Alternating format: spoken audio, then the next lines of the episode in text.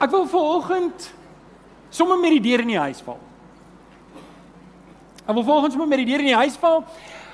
Vanoggend se tema, vanoggend waar ek met jou wil praat, en ek weet nie of dit heeltemal die 100% regte Afrikaans is nie. Ek weet hier's 'n paar wat nou julle fone gaan uithaal en vir my sê dis die regte Afrikaans woord. Net vir julle sê vir ons taalkundiges, ek waardeer dit altyd want weet julle as een ding waar ek spyt is en ek gaan vir juffrou Botha by HTSL Spark moet intag in hierdie boodskap in na dit Um ek is jammer ek het nie meer opgelet in Afrikaans. As ek geweet het jy taal is so nodig as predikant sou baie beter opgelet het in Afrikaans en Engels. Weet ek praat my eie weergawe. Ek het praat my eie dialek van Engels. Um wat niemand anders verstaan as ek en vir my maak dit 100% sin. Maar vanoggend se boodskap, vanoggend waar ek met jou wil praat is oor die tema van om veilige marges in jou lewe in te bou. En ek dink dis iets wat baie onderskat word. Ek dink dis iets wat ons baie maklik onderskat en ons lewe so vol prop dat daar geen marge is in ons lewe vir enigiets anders nie.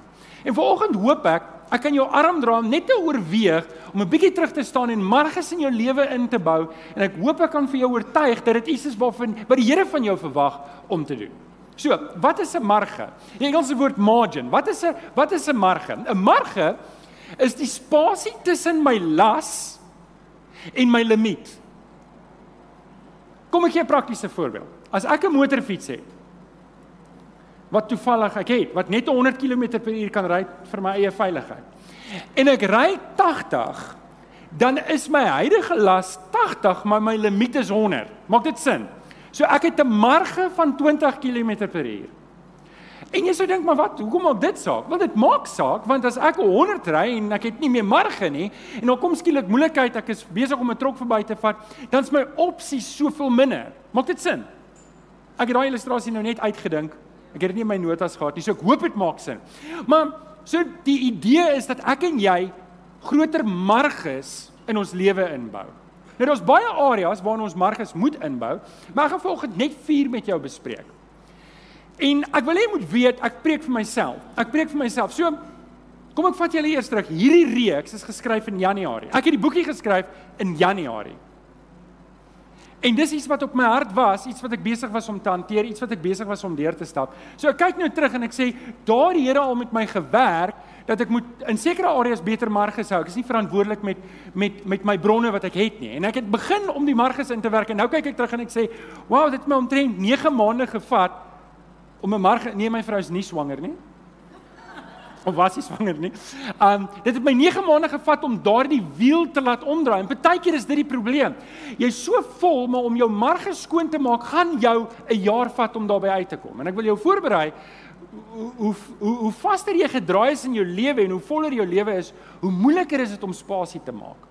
Nou kyk, ek wil vir jou 'n paar voorbeelde gee van marges in die Bybel. En die een kry ons by die barmhartige Samaritaan in Lukas 10. Nou dis nie eintlik waar die verhaal gaan nie. Die gelykenis van die barmhartige Samaritaan gaan eintlik oor naaste liefde, maar hoor wat doen die priester? Die priester loop in die in die pad langs en hy kry 'n man wat deur 'n rower, 'n Jood, so wat deur 'n rower oorval is. En vir watter rede ook al, en ons weet nie, Jesus sê dit nie, stap hy verby. Hy help hom nie. En ons lees later aan kom 'n leviet en hy doen presies dieselfde. Hy sien hierdie man wat in nood is, halfkaal, stukken geslaan, gelos vir die dood. En wat doen die leviet? Hy doen presies dieselfde. Nou, ek en jy kan enigiets daar inkleer. Dit gaan nie noodwendig die regte antwoord wees nie, want die storie gaan nie eintlik oor hoekom hulle nie gestop het nie. Maar die vraag wat ek en jy onsself moet vra is, hoekom stop ons gewoonlik nie? En die rede is gewoonlik marge. Want wie het toe gestop? Die Dis ek, dis die regte antwoord. Die Samaritaan het gestop en hoor hy het in 3 areas het hy marges gehad. Hy het tyd gehad. Hy het gestop. Hy gesê, daar's nie iets wat nou belangriker is as dit nie. Ek kan stop. Ek het nie nodig om iemand te kontak om te kanselleer nie of hy kan my daai marge gehad. Hy het 'n tyd marge gehad. Hy het 'n finansiële marge gehad. Want hy kon die ou op 'n donkie sit, het die ou hospitaal toe gevat en hy het gesê, "Hoorie, as ek terugkom, gaan ek die rekening vereffen." So hy het 'n finansiële marge gehad en hy het 'n verhoudingsmarge gehad. Want Samaritane en Jode het nie vir mekaar gehou nie, maar omdat hy volwasse en sterk was in homself, was dit nie vir hom 'n probleem nie. Hy kon stop en die Samaritane help want hy het verhoudingsmarge gehad. Nou dis drie van die areas waarvan ons waar ons vanoggend gaan praat. Ek gaan oor nog eene praat want ek dink wat belangrik is wat nou nie hier kom nie, daar kan ons sê die arme Jood wat platgeslaan is, hy is die vierde een, maar dis nie wat ek nou wil doen nie. Ek wil nog 'n illustrasie gebruik in Levitikus 19 vers 22. Gee die Here 'n wet. En hy sê vir die boere, hy sê vir die boere, ehm um, dat hulle mag alles oes behalwe die hoeke. Hulle mag nie die hoeke oes nie. En die koringgerwe wat van die wa afgeval het, mag hulle nie teruggaan en optel nie. En so maak God dat daar marge is vir die arme mense. Die arme mense kan kom en ehm um, waar's Philip? Philip, ek het jou vanoggend gesien. Daar sit jy Philip. Nou Philip, verbeel jouself, jy gaan terug na die appelboere toe môre en jy gaan sê vir hulle, die Here sê vir julle, julle mag nie al die appels uh, nou julle so, ons het laas so ruk terug het ons 'n klomp appels gegee vir Parel. Onthou julle dit? En ons het julle lemoene gekry 'n jaar terug. Nou was Philip gewees. So Philip hulle het marge, hulle kan appels weggee en hulle kan lemoene weggee. En dit is belangrik. En jy kan jouself die vraag vra, waarom is marges so belangrik in my lewe? Hoekom is marges? Hoekom moet ek spaar? Hoekom moet ek vet hê? Hoekom hoekom moet ek 'n buffer hê? En die en die een okay, voordat ek die groot rede gee, Kom ek gee vir julle 'n paar onderafdelings en redes. Dis nog niks. Julle mag nie julle notas invul nie. Julle kan agterop skryf, maar dis ook nie op die raamwerk nie. Die die een groot rede vir vir Margus is dit gee my buigbaarheid. Dit gee my buigbaarheid in my lewe. Wat, wat nog 'n ding wat dit doen is, dit gee vir my reserves. En en nog 'n belangrike ding wat Margus doen, dit gee my opsies. Dit gee my opsies. As ons net kyk na die barmhartige Samaritaan. Maar al drie hierdie goed het een ding in gemeen vir ons as kinders van die Here. Wat wil ek met my marge maak en dit is dit gee my reserve om vir die Here te werk.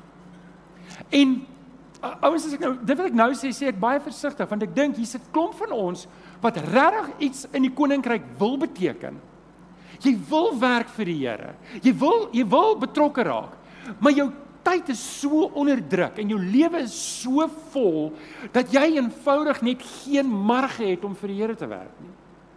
En vir oggend se uitdaging is is om marge in jou lewe in te bou dat jy vet het dat wanneer jy langs die pad kom en die Here roep jou vir 'n ding dat jy nie maak soos die priester en sê Here ek sou graag wou maar ek het regtig nie die tyd nie of Here ek sou graag wou Maar ek kan nie oor hierdie verhoudingsbrug kom nie. Of Here, ek sou graag wou, ek het net nie die geld nie. Ek en jy moet verantwoordelikheid aanvaar vir ons bronne en ons moet hierdie probleem oorkom van Marge. OK. Daar's die inleiding vir die boodskap. Is julle reg? Kom ons staan op.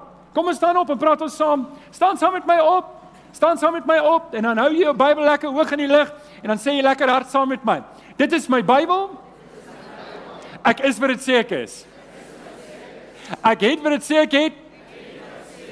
Ek kan doen wat dit sê ek kan doen. Met my mond bely ek met my hart glo ek dat Jesus die Here is.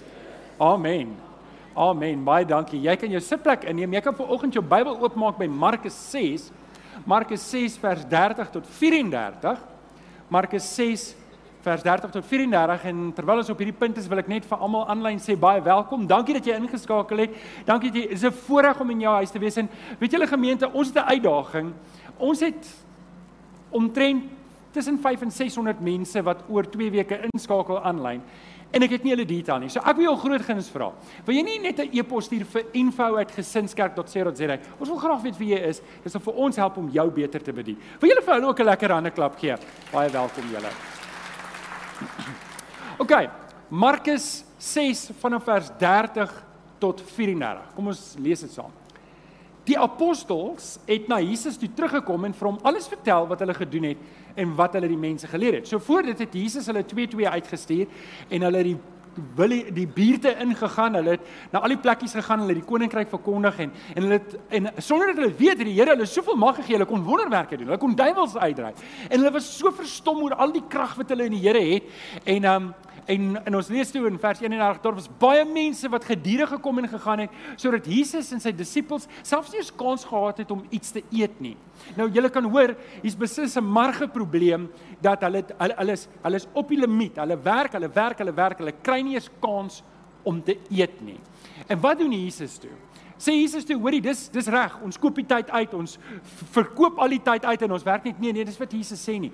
Hy sê toe vir hulle, kom julle alleen saam na 'n stil plek toe en rus 'n bietjie. Hulle het op 'n skei na 'n stil plek toe vertrek waar hulle alleen kon wees. Wat doen Jesus? Jesus maak marge. Iets wat ek en jy in ons lewe behoort te doen. Ek dink dis 'n algemene groet manier wat ons mekaar groet. Hoe gaan dit? Nee, is baie besig. Nou, ooh, dis baie besig. Dis nou crunch time. Voel vir my ons kom nooit uit crunch time uit nie. Het julle dit agtergekom? Daar's altyd the next big thing. En ons sê dit vir mekaar amper asof ons brag oor hoe hoe um vol ons skedule is. Maar ons sal 'n bietjie moet terugstaan want hoe voller my skedule is, hoe minder buigbaarheid het ek dat die Here my kan gebruik op 'n oomblik wanneer ek dit nie beplan het nie. Maak dit sin vir julle? OK, ek gaan met julle praat oor vier areas. Dis nie die enigste areas maar dis die areas waar ek ver oggend met julle wil praat waar ons moet vet inbou, waar ons 'n buffer moet inbou en marges moet inbou. Is julle reg daarvoor? Dis op julle raamwerke. Kan ek kan ek die vier areas as kommoditeite beskou? Nou die van julle wat adrekskunde um gehad het op skool tot 'n matriek sal vir my sê, nee nee nee, jy gebruik kommoditeite verkeerd. 'n Kommoditeit is 'n rou produk wat jy gewoonlik ongin of mee boer. So koring kan 'n kommoditeit wees. Ek kan vaar Philip, appels kan ook 'n kommoditeit wees en 'n koffie is 'n kommoditeit. Kan julle dit glo? Wie van julle kan sê dis absoluut so? En um goud en silwer en ko en en ek dink Ja, en koper en al die goed. Maar okay, ek gaan vir oggend 'n nuwe definisie gee van 'n kommoditeit vir die doel van hierdie boodskap. Is julle okay daarmee? So, julle moet nou die reset knoppie druk, maar moet nou net mekaar raak as julle uitgaan en met iemand gaan stry daaroor nie, want dis nie nodig nie. Okay, 'n kommoditeit is 'n uitputbare rouproduk. Sê gou uitputbare rouproduk. So daai deel is nog reg. 'n Kommoditeit is 'n uitputbare rouproduk wat geruil kan word. Sê geruil? Kan word vir vir ander waardevolle produkte. Sê gou-gou waardevolle produkte? So jy gaan agterkom vir oggend, hier is die goed wat in jou lewe is. Almal van ons het minder of meer van dit. En ek gebruik elkeen van die goed en ek ruil dit uit vir ander goed. Nou okay, van dit is heeltemal so, van dit is nie heeltemal so nie, maar jy gaan 'n idee kry. So, hier's vier beperkte kommoditeite wat almal van ons het wat ver oggend hier sit, wat ek en jy voor die Here moet verantwoordelikheid aanvaar, wat ek moet verstaan is ek se rentmeester oor en ek moet seker maak ek bestuur dit aktief. Ek kan dit nie net los nie. As jy nie die agenda gaan bepaal nie, gaan iemand anders wel die agenda bepaal en dan gaan dit nie in die rigting gaan wat dit behoort te gaan nie. OK, nommer 1.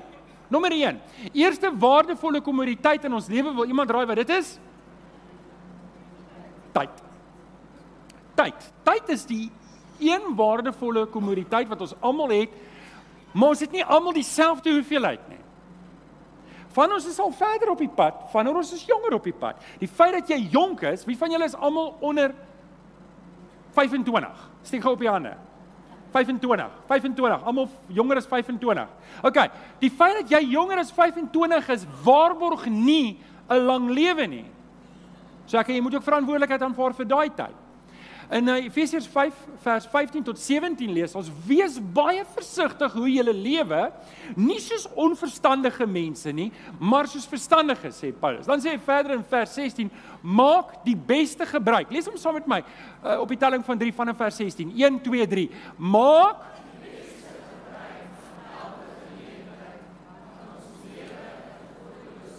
OK, so maak die beste van elke geleentheid. sien, almal van ons vat tyd en jy ruil dit vir iets anders. Elke dag.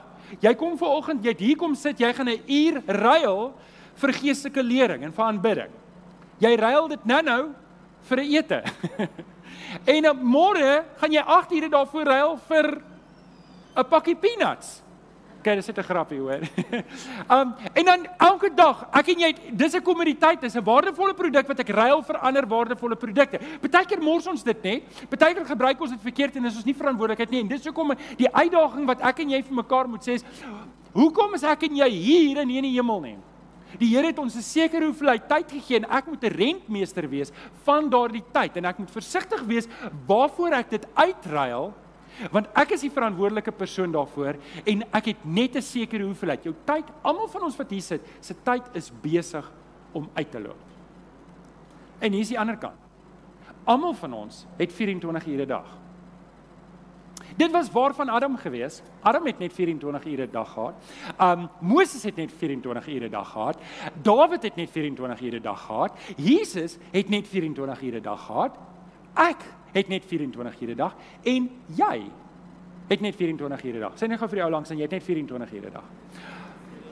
So alhoewel, alhoewel ons nie almal ewe lank gaan lewe nie en alhoewel nie almal van ons eweveel tyd oor het om te leef nie, weet ons hierdie een ding. As die Here my vandag gun het almal van ons dieselfde hoeveelheid tyd en ek moet verantwoordelikheid aanvaar daarvoor. Moses het hierdie mooi woorde gebid. Moses skryf, wie van julle het geweet Moses het ook 'n Psalm geskryf? Nou het ek julle ietsie geleer. Hy het Psalm 90 geskryf en hy sê: "Here, leer ons dat ons ons dae so gebruik dat ons wysheid kan bekom."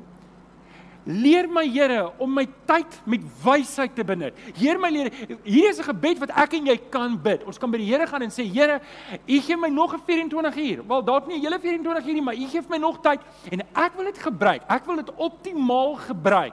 En daarvoor moet ek en jy 'n buffer inbou dat my lewe nie so vol met allerlei dinge is dat ek nie kans het om te gaan luister by die Here se voete nie. Stem julle saam? Die Psalmis skryf, Psalm 119 vers 37 sê: "Weerhou my van 'n nuttelose lewe." Sê gou nutteloos. Niemand wil aan die einde van sy lewe kom en sê, "Yes, ek het dit reg gekry. Ek het 'n hele lewe gemors nie." Haha, probeer dit wen. Niemand doen dit nie. so.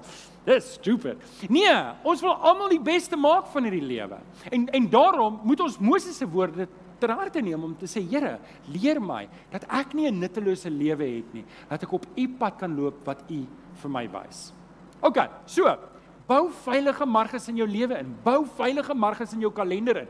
Bou maak tyd dat jy seker is die hele skepingsorde. 6 dae sal jy werk, die 7de dag moet jy rus. Wat doen God? Hy gee ons die opdrag om marges in ons lewe in te bou. Ek weet hier's mense vanoggend hier wat jy weet jy kry nie genoeg slaap in nie. Jy weet jou program as iets skeefloop dan gaan jou hele kaarthuis in mekaar inval. En dalk moet jy ver oggend voor die Here gaan sit en sê soos Moses: "Here, leer my om my tyd so te bestuur dat dit U sal eer, want ek is 'n rentmeester. Maak tyd sodat die Here jou kan gebruik. Die Here kan my en jou nie gebruik as ons ons program so volstop met allerlei dinge nie. Dan maak ek en jy soos die priester en soos die leviet. Hier's hier hier's die Here se werk. Nou ek het net nie nou tyd nie. Here, U weet die verskoning wat ons lief is om te gebruik, maar die Here weet. Die Here weet. Né? Nee? Die Here weet. Ek sukkel hiermee. Die Here weet. En dan moet 'n plek in my lewe kom wat ek sê nee nee nee. Die Here die finale sê. So. Op die einde van die dag behoort my tyd aan wie? Elke dag wat ek en jy het, behoort aan die Here. Nee, iemand het gesê dit behoort aan God hierso. Dit behoort aan God. Al my tyd behoort en Jesus Christus het aan die kruis gesterf dat ek en jy Hoor nou hierdie mooi teologiese stelling, 'n Christus-sentriese lewe kan leef. Skryf dit neer. 'n Christus-sentriese lewe kan leef. En dis hoe ons moet lewe. Ons moet verstaan dat my lewe moet ingeprop wees by die kruis. Ek moet verstaan dat my lewe is nie net bedoel om hier uitgeleef te word soos 'n emmer water wat op die gras uitgegooi word nie. My lewe is bedoel om uitverkoop te word aan Christus. Amen. Amen. Kom ons kyk na area nommer 2 En kom, is jy nog okay? Ja. Okay, goed. Maak net seker. Ek probeer stadiger praat, maar dit is moeilik. okay. Alraai. Um nommer volgende. Waardevolle kommoditeit nommer 2 is 'n um, wat sê julle dink? Okay, ja, ja, ons kom nou by hom. Gesondheid. Op my notas was geld eerste. Ek dink jou raamwerk het dalk geld e tweede daar, maar maar maar gesondheid. Is jou gesondheid Uh, almal van ons het 'n minder of 'n meerdere mate van gesondheid. En in 1 Korintiërs 6 vers 19 raas Paulus met die gemeente in Korinte, want hulle lewe absoluut losbandig. Hulle hier's jonger oor, so ons kan dit nie sê nie, maar dis vrot. Gaan lees die hele 1 Korintiërs. Nou nou raas hy met hulle, besef julle nie dat julle liggaam 'n tempel van die Here is nie. Julle het die Heilige Gees wat in julle woon van God ontvang. Julle behoort nie meer aan julleself nie. Aan wie behoort ons? Aan die Here. Ons behoort nou aan die Here Jesus. Ons behoort nou aan die Here Jesus. Sê nie vir jou langs aan jy behoort nie meer aan jouself nie. Jy behoort nie meer aan jouself. OK? OK. het ek het iewers gehoor gesê, hoor jy ry die kar asof asof dit 'n eiwes rental is, nê? Nee? Party mense lewe hulle lewe asof hulle lewe 'n eiwes rental is. Hoorie, as ek weet ek doen iets vir die Here, dan doen ek dit behoorlik en ek doen my beste. Net so, as ek weet hierdie liggaam behoort aan die Here en is 'n geskenk, dan mors ek dit nie op nie.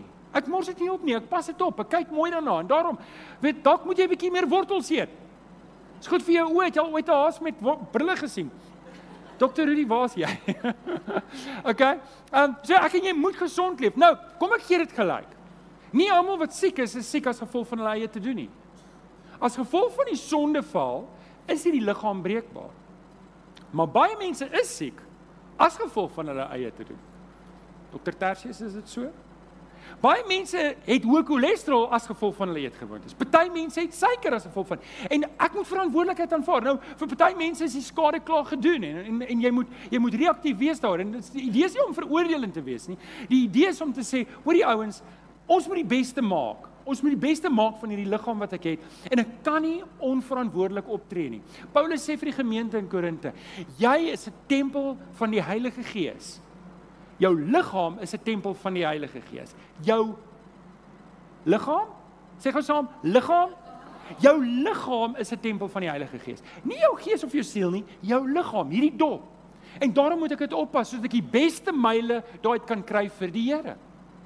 As ek dit gaan opmors en ek is hier op 55 en dit lyk of ek my hele lewe singplaat gery het met hom, dan dan weet da, hoe gaan hoe bring dit Here neer? En daarom ouens, is die uitdaging en dis nou nie my plek regtig om te praat nie. Ek moet ook 'n bietjie meer oefening inkry.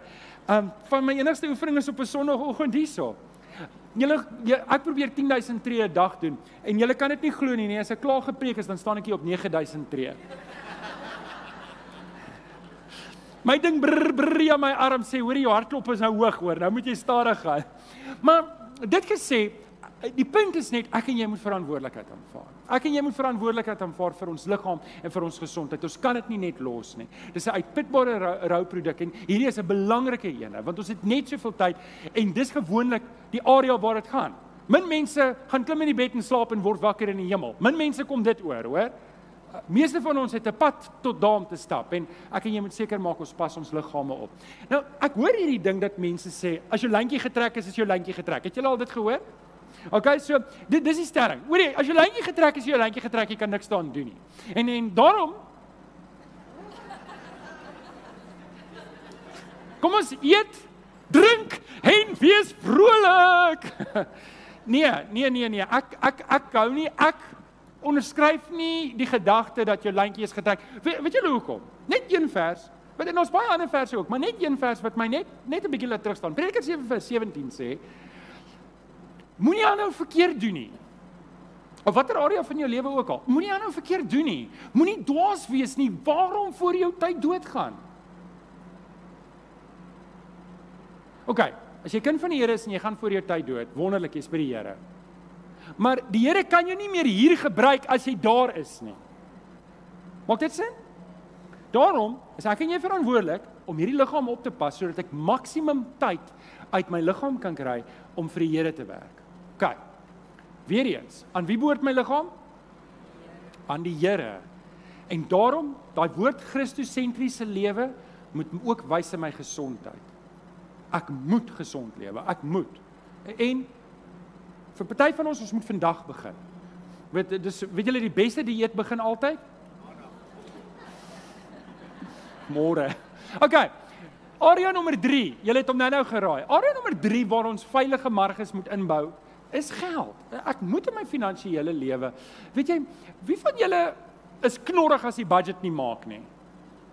Daar's die van julle wat knorrig is en dan's daar die ander wat sê budget? Wie's julle? Wie's daar? wat's 'n budget?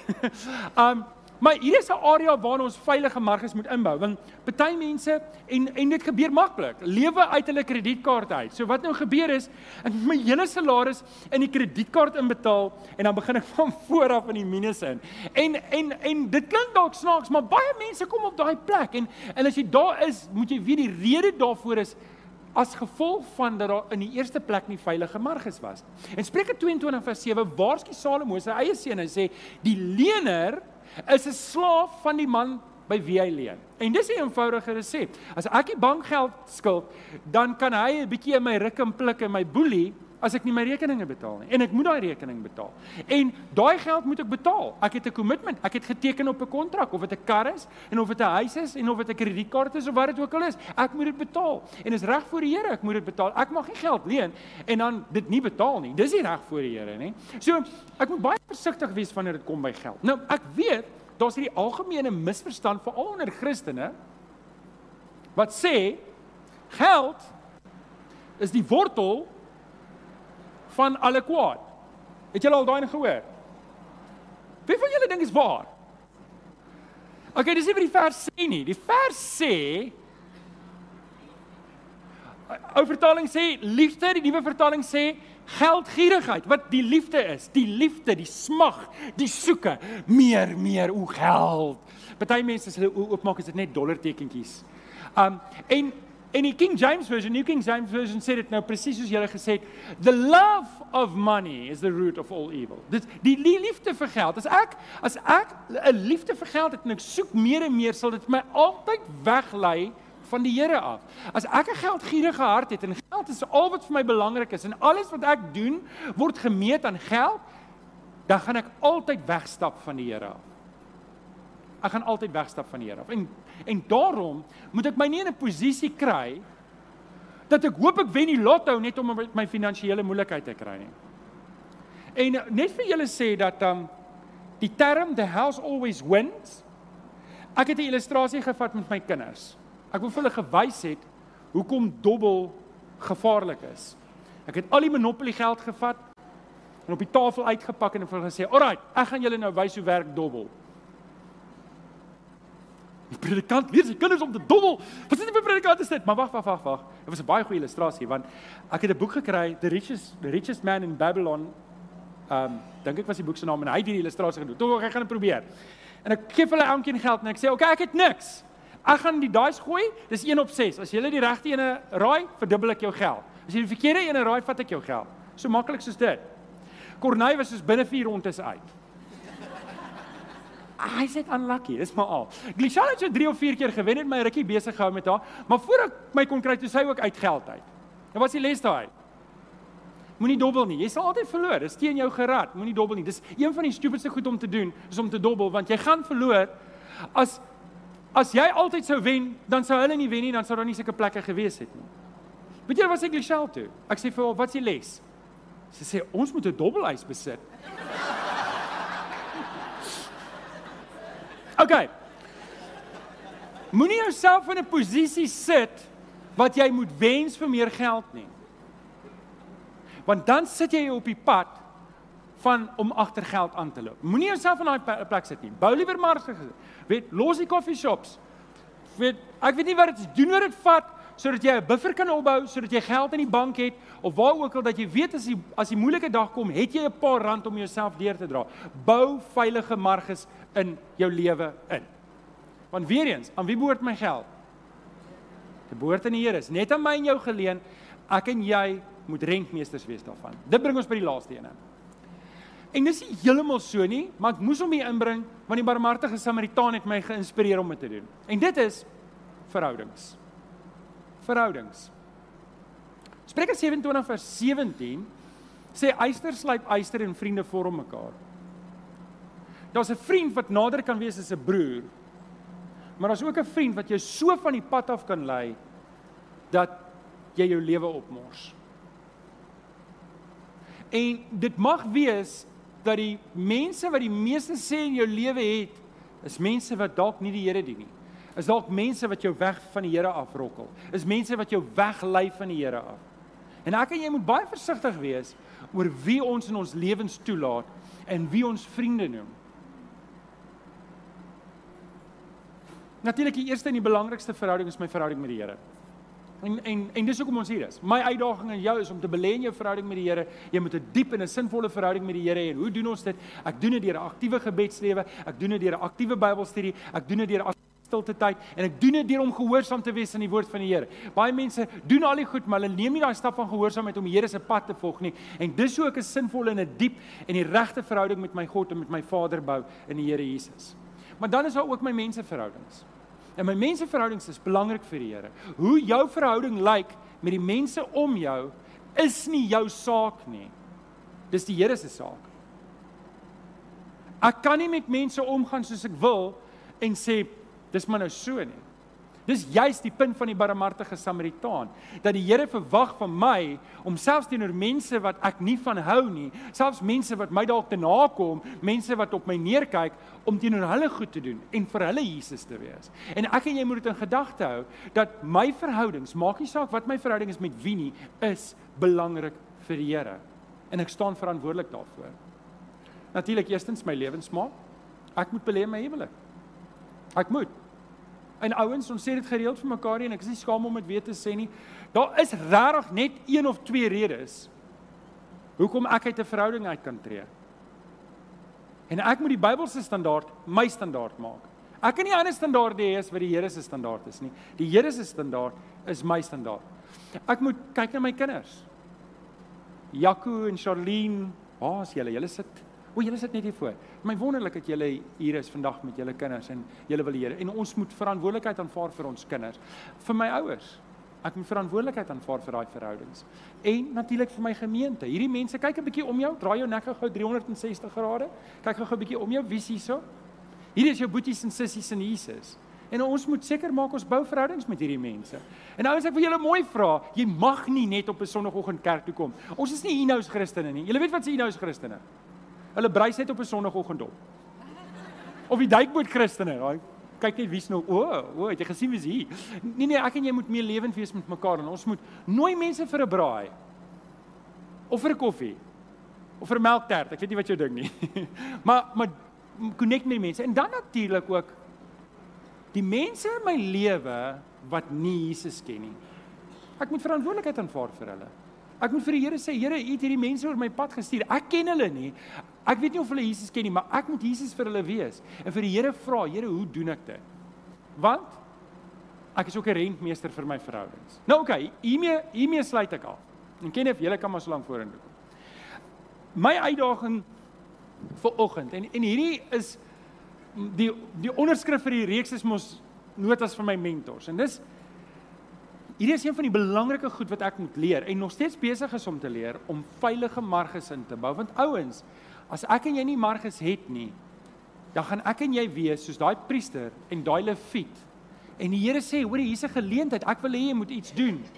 En net vir die Here sê, Here, ek kan nie, ek het nie reserve nie. Ek het nie my verhoudingsreserve nie. Ek het nie geld nie. Ek het nie tyd nie. Ek het nie gesondheid nie. En ek wil jou vanoggend kom vra, wil jy nie bidend oorweeg en vir die Here sê, Here, hier's my lewe. Ek gaan jou nou kans gee om te bid. Dis sê, Here, hier is my lewe. Ek wil veiliger marges inbou. Ek wil marges inbou sodat daar reserve is dat U my kan gebruik. Dat U nie beperk is tot die bietjie program wat ek het nie. Maar dat ek kan oop wees as U vir my die pad wys dat ek dit kan volg. Ek wil jou 'n paar sekondes gee. Kom ons bid saam. Kom ons bid saam. Bring jou program vir die Here. Dalk rondom jou tyd, jou finansies, jou gesondheid en jou verhoudings.